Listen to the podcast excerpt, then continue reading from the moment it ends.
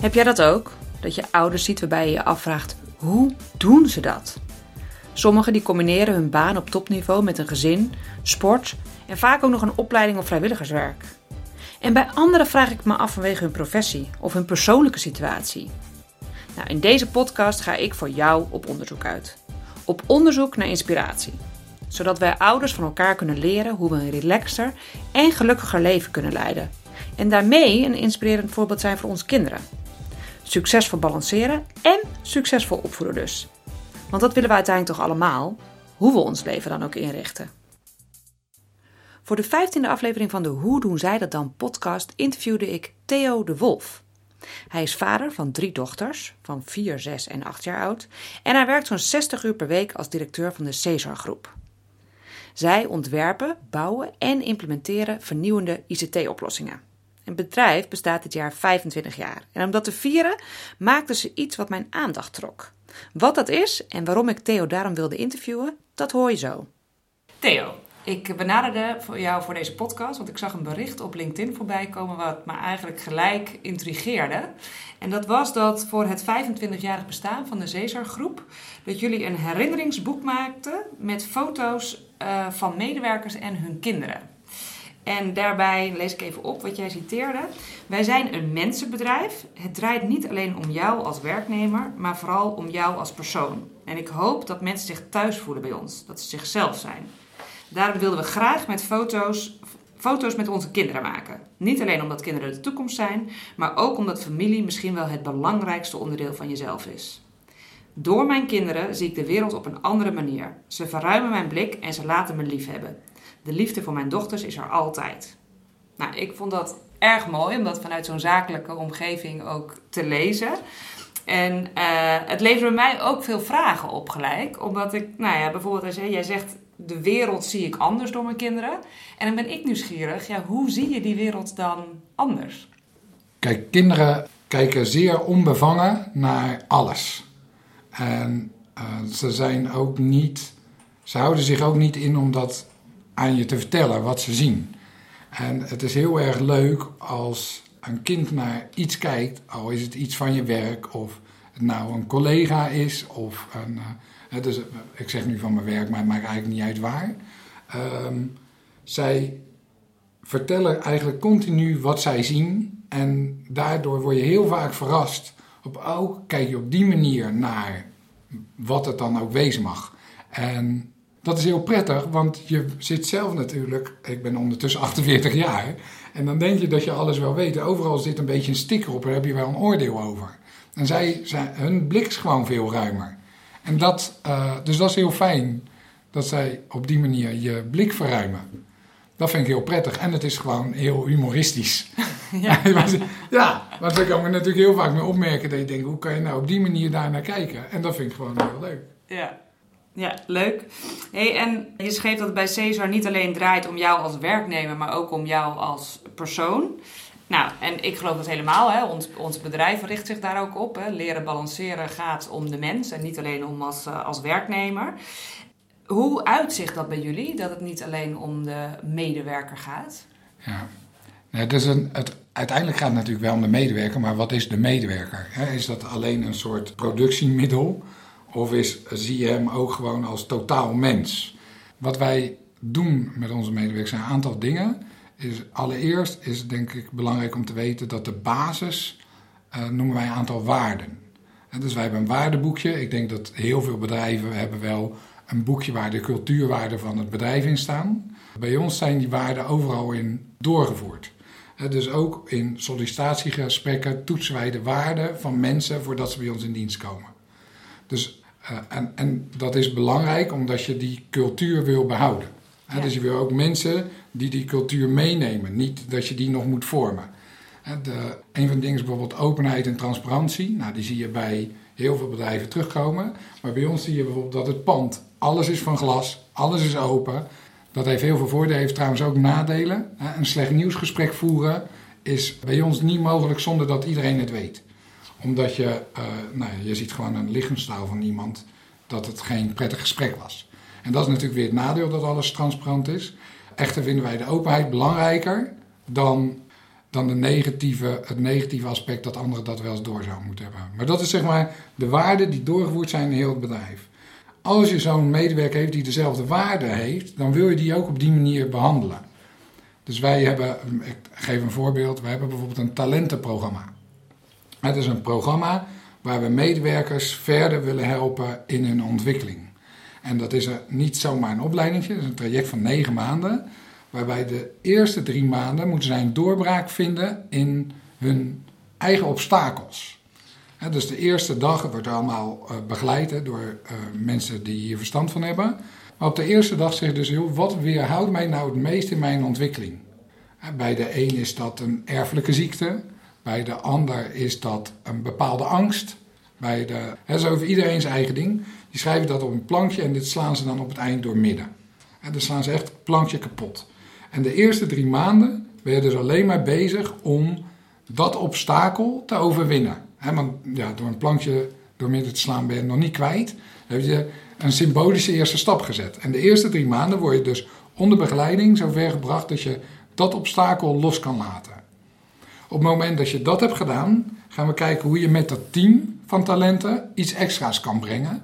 Voor jouzelf, maar dan binnen een teamverband. En dan als laatste, in de laatste drie maanden, hopen we dat we iets kunnen vinden waardoor we als Caesar sterker worden. Maar of je nou alleen de eerste drie maanden doet, of de eerste zes, of de alle negen. Het begint dus, uh, of het nou wel of niet iets oplevert voor Caesar. Het levert altijd iets op voor jouzelf, namelijk als je de eerste drie maanden doet. Ja. Nou, en daarbuiten kan je natuurlijk ook uh, praten over joh, hoe zie je die waarde terug in planningsgesprekken, in opleidingstrajecten en in beoordelingstrajecten. Maar ik denk dat Cesar daar, behalve op de manier, waarop, weinig onderscheidend is ten opzichte van andere IT-bedrijven. Ik denk zoiets als zo'n talentenprogramma, dat dat veel meer is uh, wat wij doen.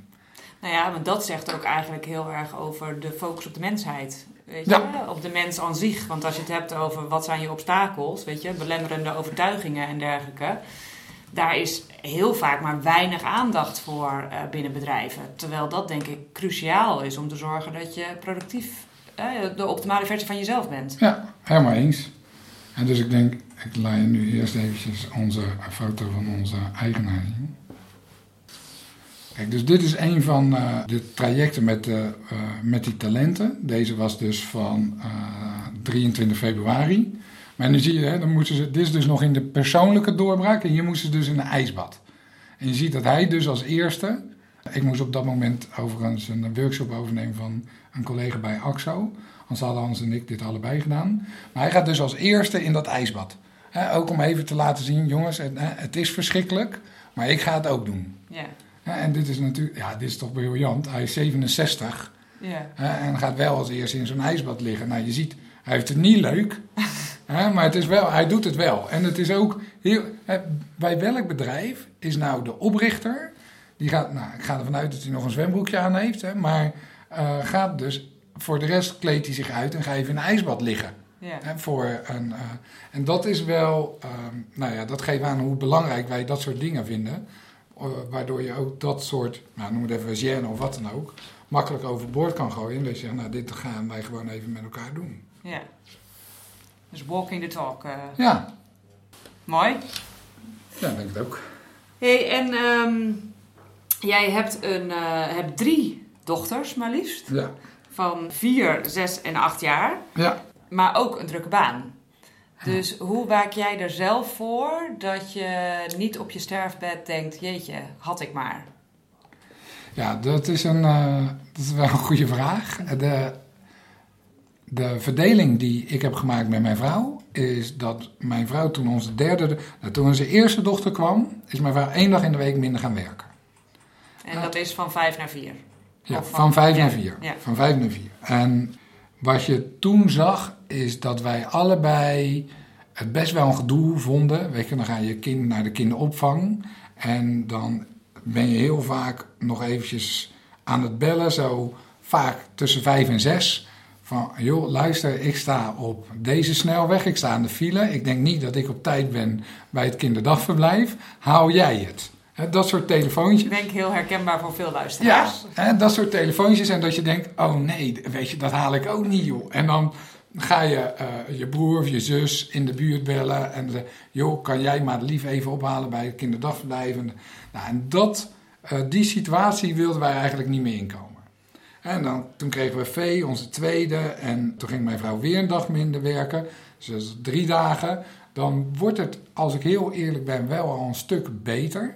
Want A, nou, vaak heb je ook nog wel een opa of oma die op wil passen, dus dan heb je nog twee dagen uh, kinderopvang. En als je drie dagen gaat werken, dan zijn de afspraken met werkgevers veel strakker. Je wordt er zelf strak in. Mijn vrouw wordt er gewoon strak in. Gewoon, joh, maakt niet uit wat er gebeurt. Ik ben op donderdag om vijf uur weg. En natuurlijk kan het een keertje zijn dat je s'avonds dan moet werken en dat ze vragen, kan jij... Maar dan is het een geplande activiteit. Dus toen had je al niet meer die telefoontjes van, joh, kan jij toevallig even, hè, red jij het nog wel, want... En Vaak wordt de inhoud van de functie ook wel anders, hè? als je van 4 ja, naar 3 gaat. Ja, nou, mijn vrouw zat, in, zat uh, toen de tijd in de sales. En dat, kijk, klanten houden geen rekening mee of jij op dinsdag vrij bent of niet.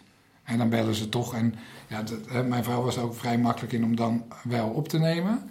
Alleen voor eindtijden, je wordt zelf ook strakker. Je hebt de ervaring van je eerste. Je denkt, dit zijn dingen die ik niet meer wil. En op de, mijn vrouw is ook van baan gewisseld van de eerste naar de tweede. Dus dat scheelt ook. Dus het, beide een salesfunctie, maar wel een switch. Van het ene bedrijf naar het andere bedrijf. En waarbij dus ook het nieuwe bedrijf veel flexibeler was en veel beter was in het, dit soort afspraken maken. Daar selecteer je dan ook op. Mhm. Bij de derde is, uh, bij Kina, is mijn vrouw gestopt met werken. En dus daar hebben we de afspraak gemaakt.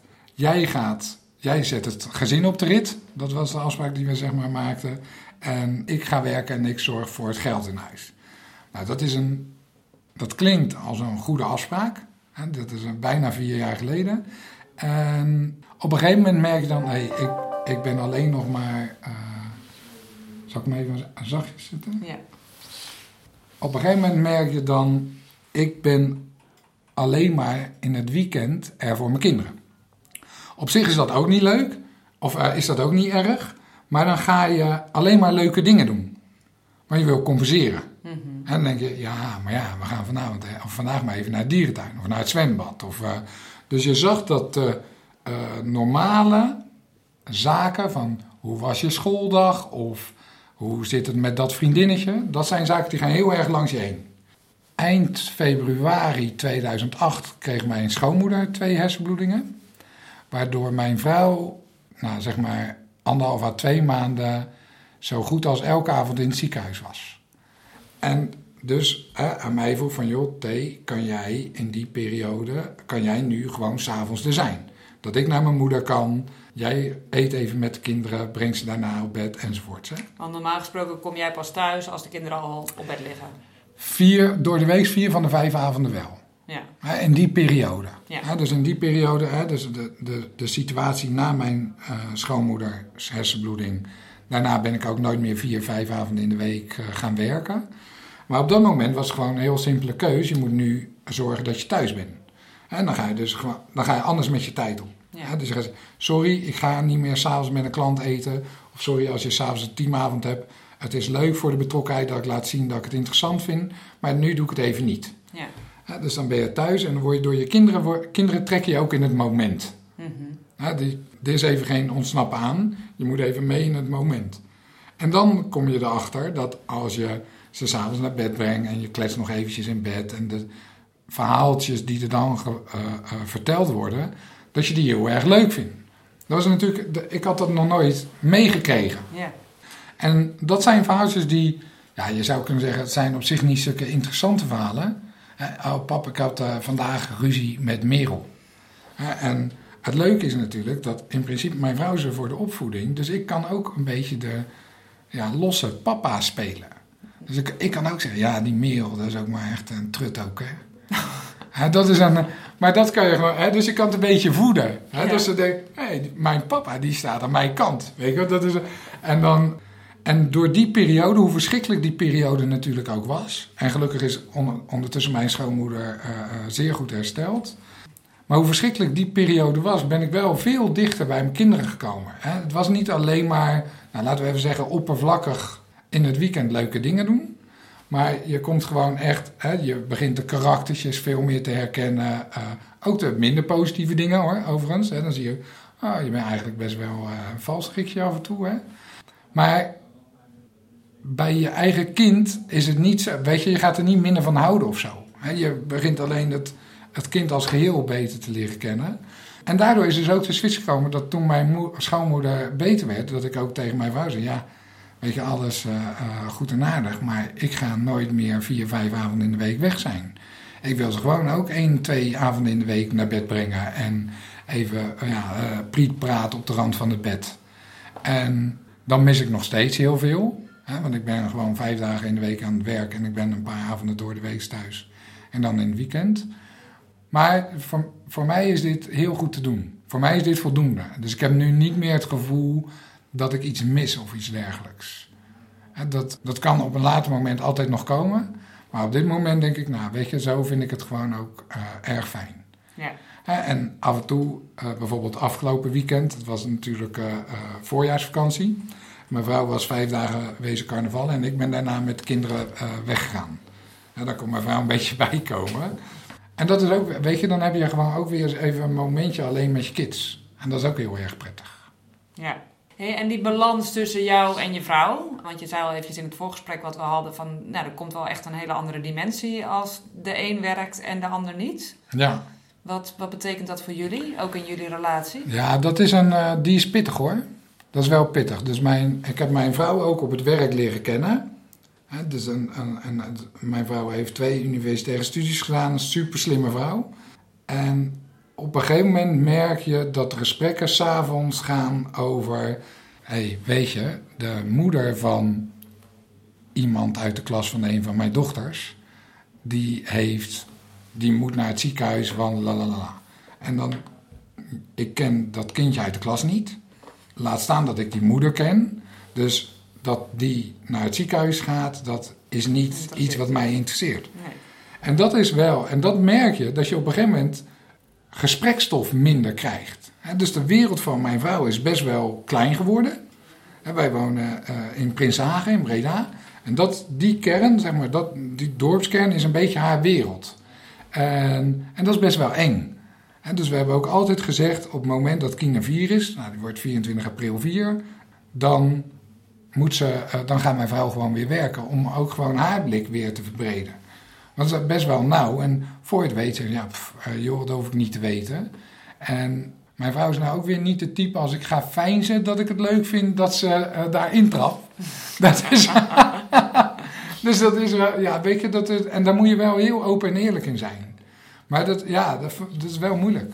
Dat is echt moeilijk. Het is echt een. Uh, Algemene onderwerpen kunnen natuurlijk wel, maar je ziet dat uh, Mijn vrouw is niet zo'n fan van de IT-wereld.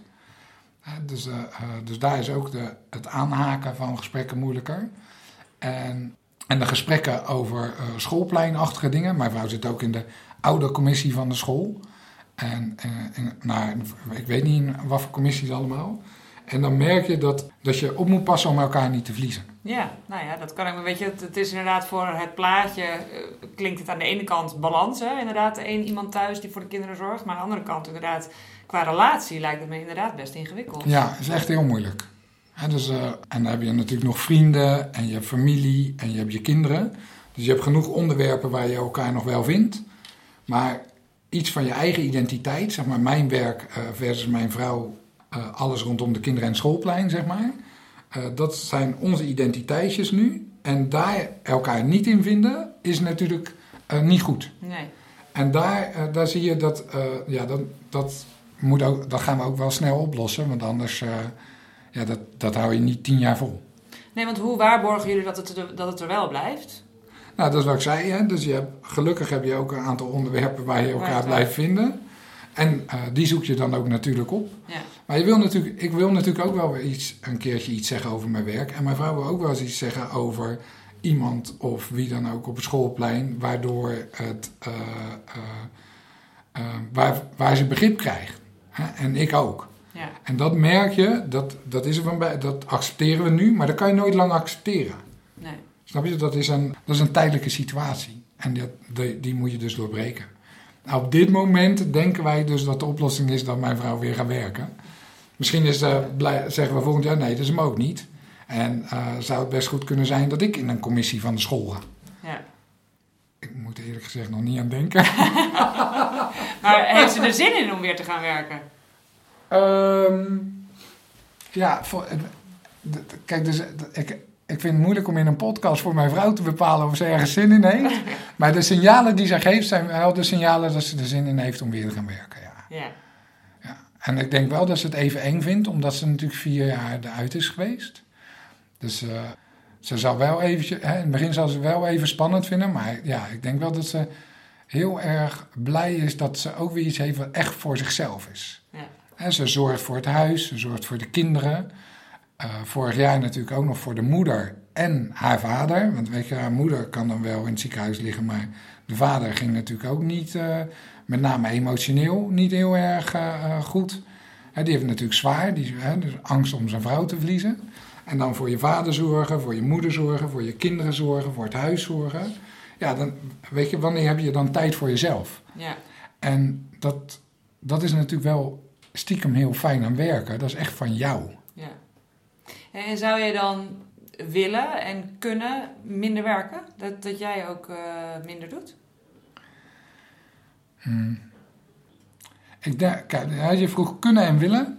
Ik denk dat, dat ik het kan. Ik denk niet dat ik het wil.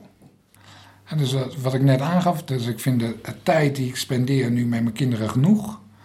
Ik heb ook echt niet het idee dat ik iets mis. En ik ben. Ik, ik zou niet gelukkig worden van drie dagen in de week in plaats van twee dagen in de week uh, papa spelen. En vooral omdat natuurlijk, als ze allemaal op school zitten, dan denk ik ja, weet je, om half negen zitten ze op school, hè? Ja. En dan komen ze er om uh, kwart over twee, half drie weer eens uit. Ja, dat, uh, daar kan je prima van alles in doen. Ja. En dan denk ik dat ik van meerwaarde ben op het werk dan thuis. Ja.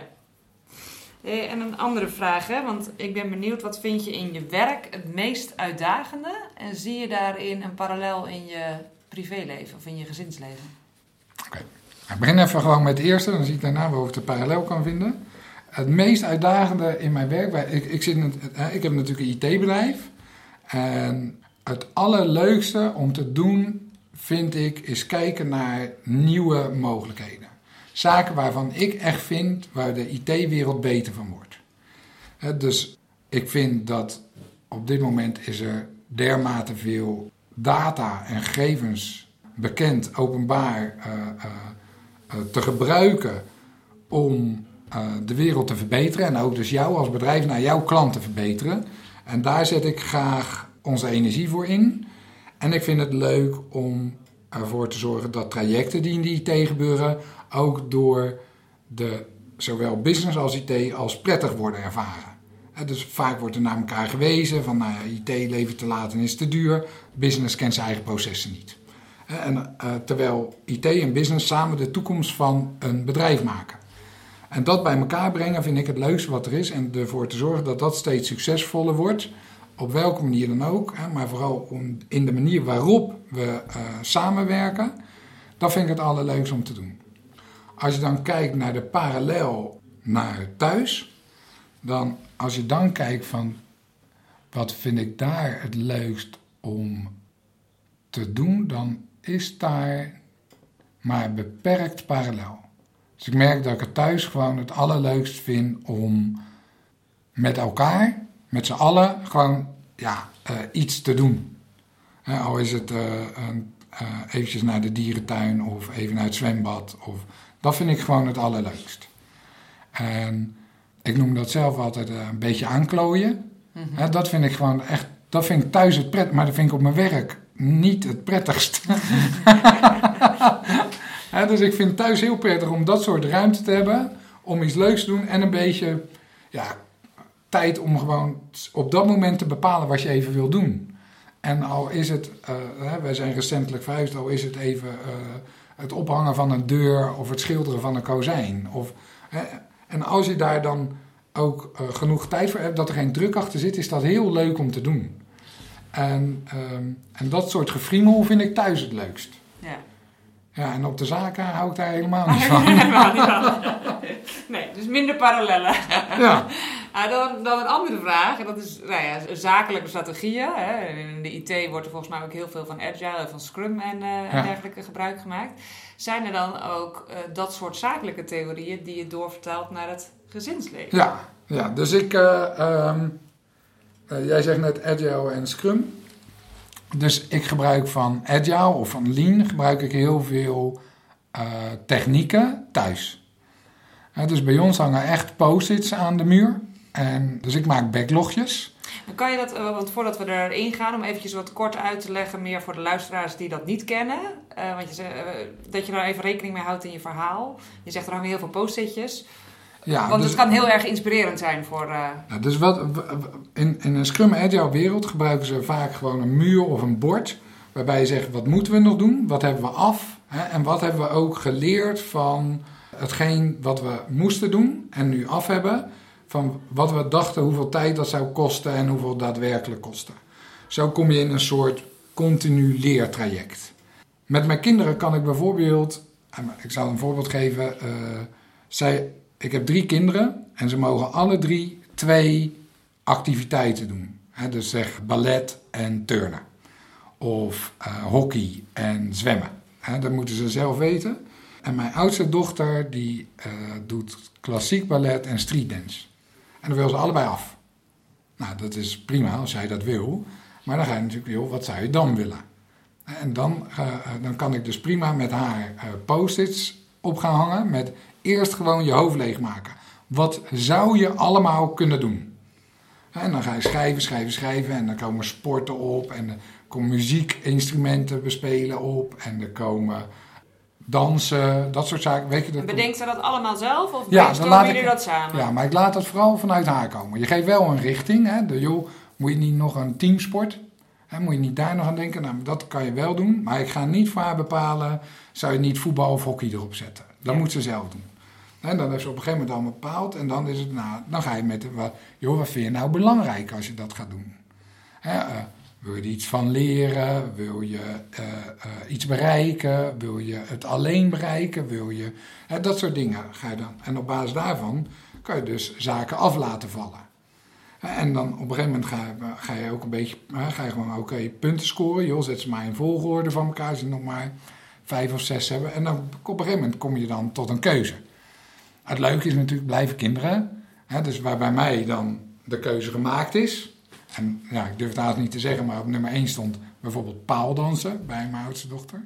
Dat mag vanaf 7 hè, in Breda, kan je paaldansen. Maar de, eh, bij kinderen blijft het natuurlijk zo dat ze nog prima de dag daarna op terug kunnen komen. Ja. Hè, dus bij mij was het, eh, eh, wel, ik, ik, ik weet niet eens meer wat de tweede keuze was. Maar het punt is, bij mij is het dan af. We hebben gewoon een keurig selectielijstje gevolgd. We hebben criteria opgesteld. Op een gegeven moment heb je keuze gemaakt, klaar. Dus, eh, maar ja, een kind kan prima zeggen, ja pap, ik wil toch nog op hockey. Hè, want, nou, we zijn de dag daarna naar school gegaan en eh, Jente zit ook op hockey. Dat, ja, dat kan prima ineens Ja, een volledige keuze. Nou ja, en, en, en het is natuurlijk inderdaad een, een cognitieve benadering, van, een rationele benadering. Van, eh, of neem je het emotiestuk daar heel erg in mee? Van waar krijg je energie van? Wat geeft je energie? Ja, kinderen doen dat eigenlijk zelf wel. Hè? Dus ze Ja. hebben ook bijvoorbeeld bij alles tekenen ze gewoon hoe blij ze ervan worden. Ja, En dan zeggen we, nou, nou teken, zet het er maar gewoon. Ja. ja.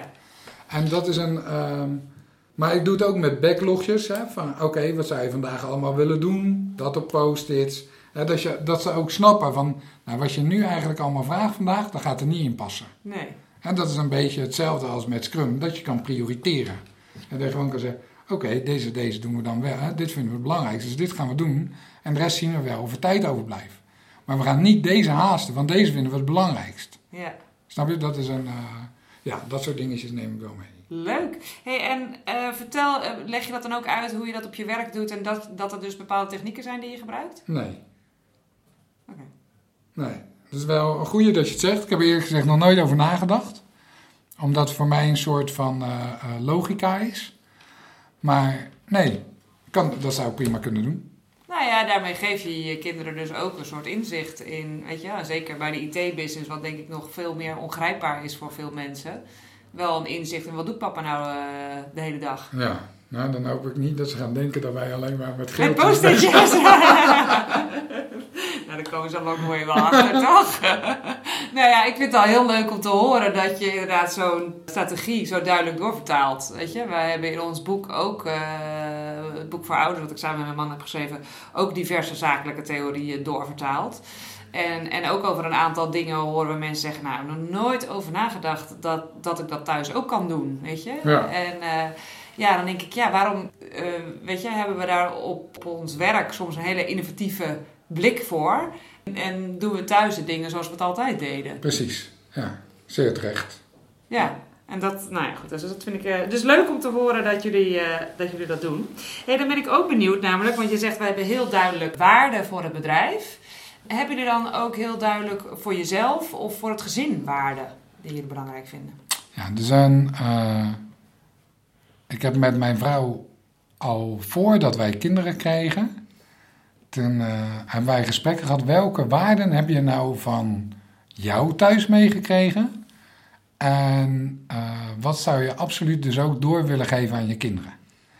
En dat was een hartstikke leuk gesprek. En een van de belangrijkste dingen die ik heb meegekregen is dat mijn, uh, mijn moeder die kon mij s ochtends gedag zeggen als ik naar school ging. En dat kon ze op verschillende manieren. En zei ze, hé hey jongen, veel plezier op school, kusje, klaar. Of, dag lieve schat, heel veel plezier, knuffel, knuffel, knuffel, knuffel. Snap je? Dat is een verschil. En ik spiegelde de manier waarop mijn moeder afscheid van mij nam, spiegelde ik naar haar. Als zij een beetje stoer deed, deed ik een beetje stoer. Als zij erg lief deed, deed ik een beetje lief. En hè, dat, dat gebeurde denk ik zo twee, drie weken of zo. En toen zei mijn moeder op een gegeven moment... Nu wil ik dat jij even nadenkt hoe je mij dag zou willen zeggen. Wil jij mij nu echt lief knuffelen en uh, uh, zeggen? Of je gewoon een beetje stoer doen? Man, naar school, doe je. Uh, waardoor je heel bewust nadacht over hoe zit ik er nu in? Snap je, welke emotie heb ik nu? Wil ik nu gewoon, joh, het is goed zo, doei? Of wil je nou even vastpakken? En op het moment dat je dat weet, kan je ook acteren naar je emotie. En dat is een. En ik vond dat zelf, ik vond dat super tof. Later ook in, hè, la, ik, daar heb ik eigenlijk heel mijn leven uh, profijt van gehad. Dat ik echt dacht, joh, ik sta nu best wel dicht bij mijn emotie. Ik weet wat ik nu voel. Um, en ik weet ook wat ik daarmee wil. Hè, dat, ja, dus dat je veel meer in het bewuste in plaats van het automatisme zit. Precies. En dat vond ik zelf heel erg tof, waarvan ik altijd heb gezegd, nou dat wil ik, dat mijn kinderen dat ook, dat ze snappen, dat ze niet zomaar aardig doen dat ik aardig doe. Nee, weet je, jij bent ook wie jij bent, met jouw emotie op dat moment en wees je daar bewust van. En dat is, een, uh, dat, is, dat is eentje die ik heel belangrijk vind om door te geven. Ja, en, en je vrouw had dat ook? Daar, uh... Nee, mijn vader andere, maar die weet ik niet meer zo goed. Oh, ja, dat is dan. Kijk, inmiddels is jullie oudste dochter acht, dus je het weer weet. ik denk ook wel dat zij het nog wel weet. Oké. Okay. Nou ja, dat is natuurlijk het, het, het belangrijke met waarde. Hè? Dat zo, als er al mensen zijn die ze... Ja, dat heb ik ooit eens opgesteld. Dat je denkt, ja, je moet er inderdaad natuurlijk net zoals jullie bij het bedrijf doen... wel echt elke dag naar leven. Ja. Binnen het bedrijf mooi om te zien hoe jullie dat zo doorvoeren. Dus... Uh, hoe zorg je dat je energie hoog blijft? Jij werkt vijf dagen in de week. Je zou, ik ben ook s'avonds uh, nog wel regelmatig weg. Ja. Je hebt ook nog wel qua reistijd niet het meest ideale reistraject nee. van Breda naar Utrecht. Rij je net elke keer de kant op waar de files staan. Ja. Hey, dus, uh, ja, dus A, ik denk dat je een beetje geluk moet hebben met energie in het leven. Dus de een heeft dat wat meer dan de ander. Dus ik heb niet een gebrek aan energie. De ik ben ondertussen wel 48 en dan merk je wel, uh, hoe stom het ook klinkt, maar dan merk je echt van joh, uh, het wordt allemaal wat minder. Maar er zijn een paar dingen waar je uh, erg in moet hebben. De, ik ga, als ik thuis ben en ik heb de kans, en, dan ga ik ook graag wat eerder naar bed en lees ik nog een boekje. En ga ik, nog, ga ik lekker slapen. En, dus, en dan heb ik het niet over zeven uur of zo. Maar ik lig ook wel eens gewoon, hè, ik lig huis wel eens een keer om negen uur, half tien in bed. Uh, dus, uh, en je moet een beetje luisteren naar je lichaam. En in het begin, toen ik hier kwam werken, dus zeven jaar geleden, uh, zag je bij Caesars veel vaker s'avonds werken. En ook s'avonds meetings of etentjes met klanten enzovoorts. En voor je het weet, doe je, kom je aan in een restaurant, drink je een biertje met elkaar, doe je een wijntje bij het eten, doe je nog een wijntje bij het eten. Hè, en dan neem je daarna nog koffie naar huis.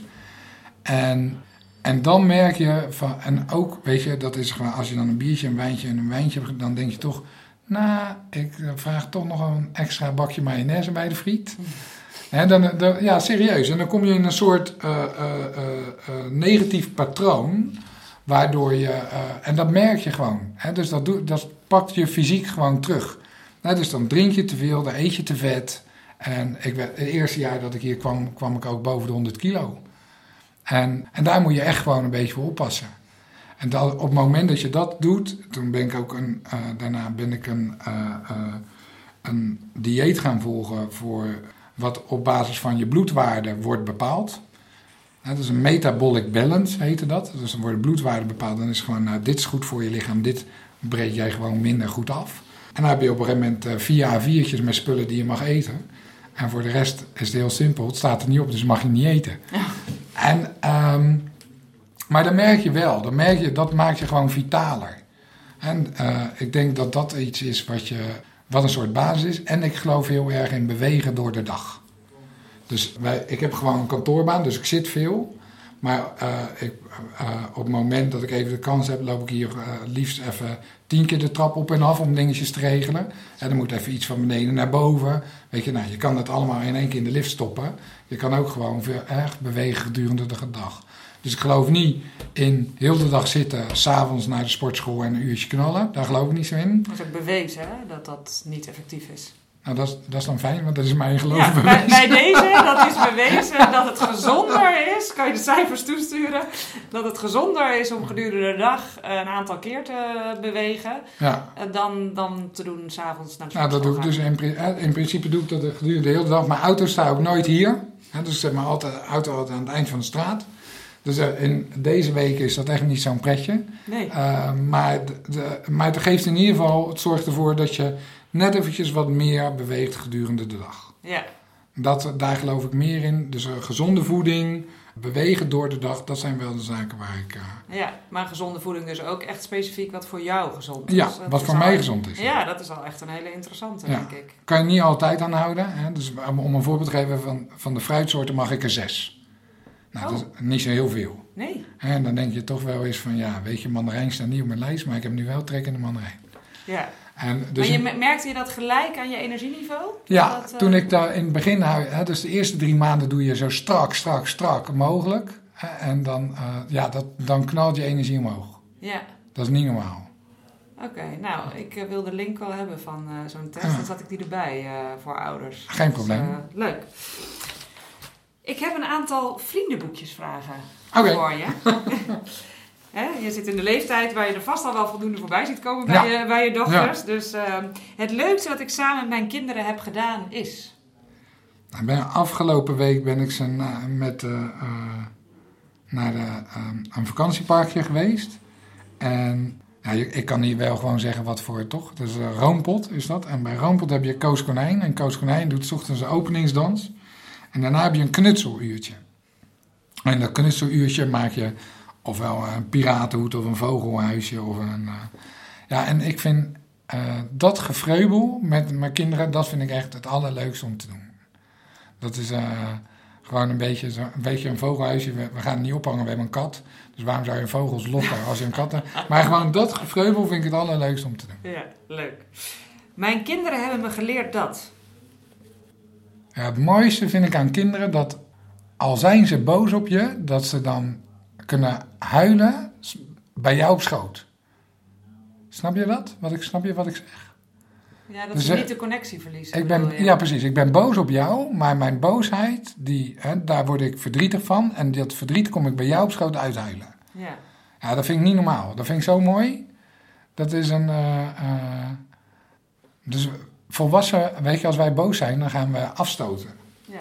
En zij kunnen in de boosheid nog de connectie zoeken. Ja, prachtig. Ja. ook al heeft mijn dochter daar soms wel moeite mee overigens hoor. ik denk hoe ouder ze worden, hoe erger het wordt, ja. ja. Die uh, van de week uh, ging die ook boos naar boven en uiteindelijk komt ze naar beneden. Waarom kom je dan niet naar mij toe? Ik zeg, omdat ik niet wil dat ik jou aanleer dat als je wegloopt, dat iemand, dat, dat jouw manier is om aandacht te trekken. Ja. Ik zeg, maar ik wil je leren dat, dat je de connectie niet moet verliezen. Eigenlijk precies wat jij zegt. Ja. Ik zeg dus dat, dat we met elkaar in gesprek blijven. En dat dit niet een patroon moet gaan vormen in de rest van jouw leven. Dus, uh, goed. En toen had ze zoiets van, oké, oké, je hebt ook wel gelijk. Het is niet goed dat ik wegloop. Ik zeg, nee, nou, misschien is het wel goed. Misschien is het even jouw manier om even af te koelen. Ik zeg maar niet moet het je manier zijn om mijn aandacht te vragen. Nee. Dus, uh, nou. Um, wat mijn kinderen niet van mij weten is. ja, geen idee. Er, zijn natuurlijk best wel dingen die zij niet weten. Maar ja, ik zou het nu echt niet weten. Nee. Mijn favoriete voorleesboek? Nou, dus mijn kinderen willen op dit moment, op de jongste na, worden niet meer voorgelezen. Hè? Die lezen zelf. De jongste had gisteren een boekje Wij gaan op berenjacht. En ja, dat wil ik niet zeggen, is dat nou mijn favoriet, maar dat vind ik wel leuk. Kijk, de anderen hadden vooral Pinkeltje, vond ik superleuk om te lezen. Maar ik, vond, ik ben een beetje, ik zit in de IT, dus ik heb ook wat autistische trekjes. En dat Wij gaan op berenjachtboek begint dus Wij gaan op berenjacht. Het is een prachtige dag, wij zijn niet bang. En dan nog een zin. En dan komen ze door, moeten ze door een bos en dan uh, door een plas en dan... Uh, elke keer is het dezelfde zin. Het begint elke keer met dezelfde drie, vier zinnen. Wij gaan op berenjacht, wij, uh, het is een prachtige dag, wij zijn niet bang. En dat, ja, dat, vind, ik, dat vind ik dus heel vreemd. dat is een soort ritme. Wat gewoon, ja, dat vind ik heerlijk. De beste manier om het weekend te beginnen is? Ja, wij beginnen, ehm, eh, ik zei ik, ben elke, uh, ik kan elke avond werken, op vrijdag niet. Op vrijdag begint bij ons de vrijdagmiddag gezinsborrel. Daar eten we ook niet aan tafel, er staan allemaal hapjes op tafel. En, en meestal is er dan nog een soepje of wat dan ook. Ja, en dat vind ik echt een uh, geweldig moment om het weekend te beginnen. Ja. Dan is het ook echt begonnen. Dan, het, het, dan ben ik ook echt niet bezig met, oh, ik moet nog even op mijn telefoon of want. Nee, dan is het echt gewoon ja, gestart. Leuk. En ik zou best graag eens een dagje willen ruilen met. Nou, als ik een uh, dagje, dan zou ik wel met een van mijn kinderen willen ruilen. Maar dat komt denk ik ook door dit interview. Er is niemand in de wereld waar ik graag een dagje mee zou willen ruilen. Dus mijn kinderen zou, hè, dat zou ik dan nog best wel om gewoon nog dichterbij en ze te begrijpen. Ja. Maar het is niet iets dat ik denk, nou, dat zou ik nou eens een dagje. Ik zou, nee, dat zou ik niet zo goed weten, nee. Nee, maar je kinderen is toch ook mooi?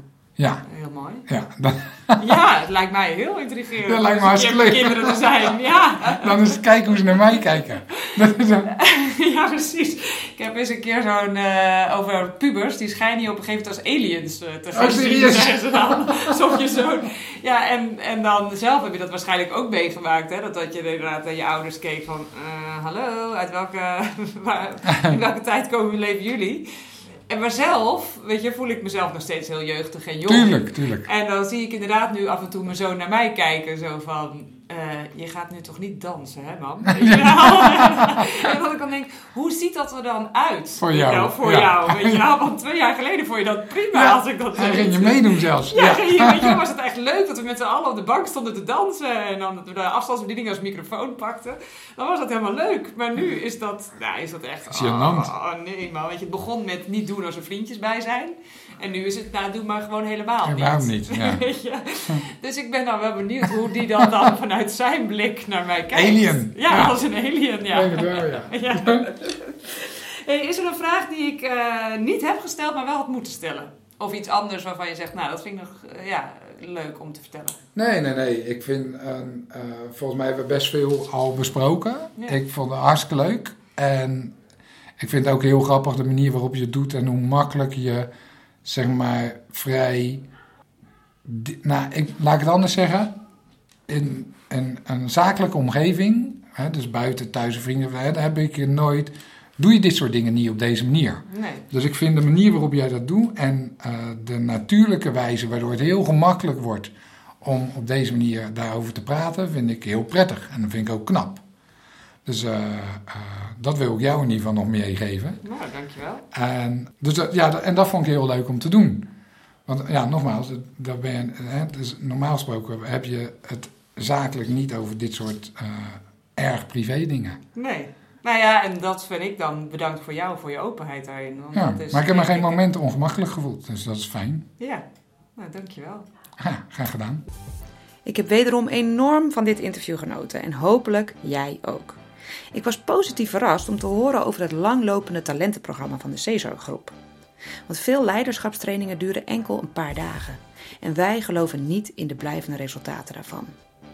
Wil je daadwerkelijk gedrag veranderen, dan is daar meer voor nodig. En daarom gaan wij in ons programma Leren Balanceren vier maanden aan de slag met werkende ouders. We trainen en coachen ze intensief om daadwerkelijk resultaten te behalen. En daar profiteert zowel de ouder, de werkgever als het kind van. Een mooie win-win-win situatie dus. Wil jij weten wat deze training voor jou of jouw medewerkers kan betekenen? Kijk op www.succesvolbalanceren.nl. En ten slotte, meer informatie over het voedingspatroon van Theo kun je lezen op www.metabolic-balance.com. Ik wens je voor nu een hele fijne dag.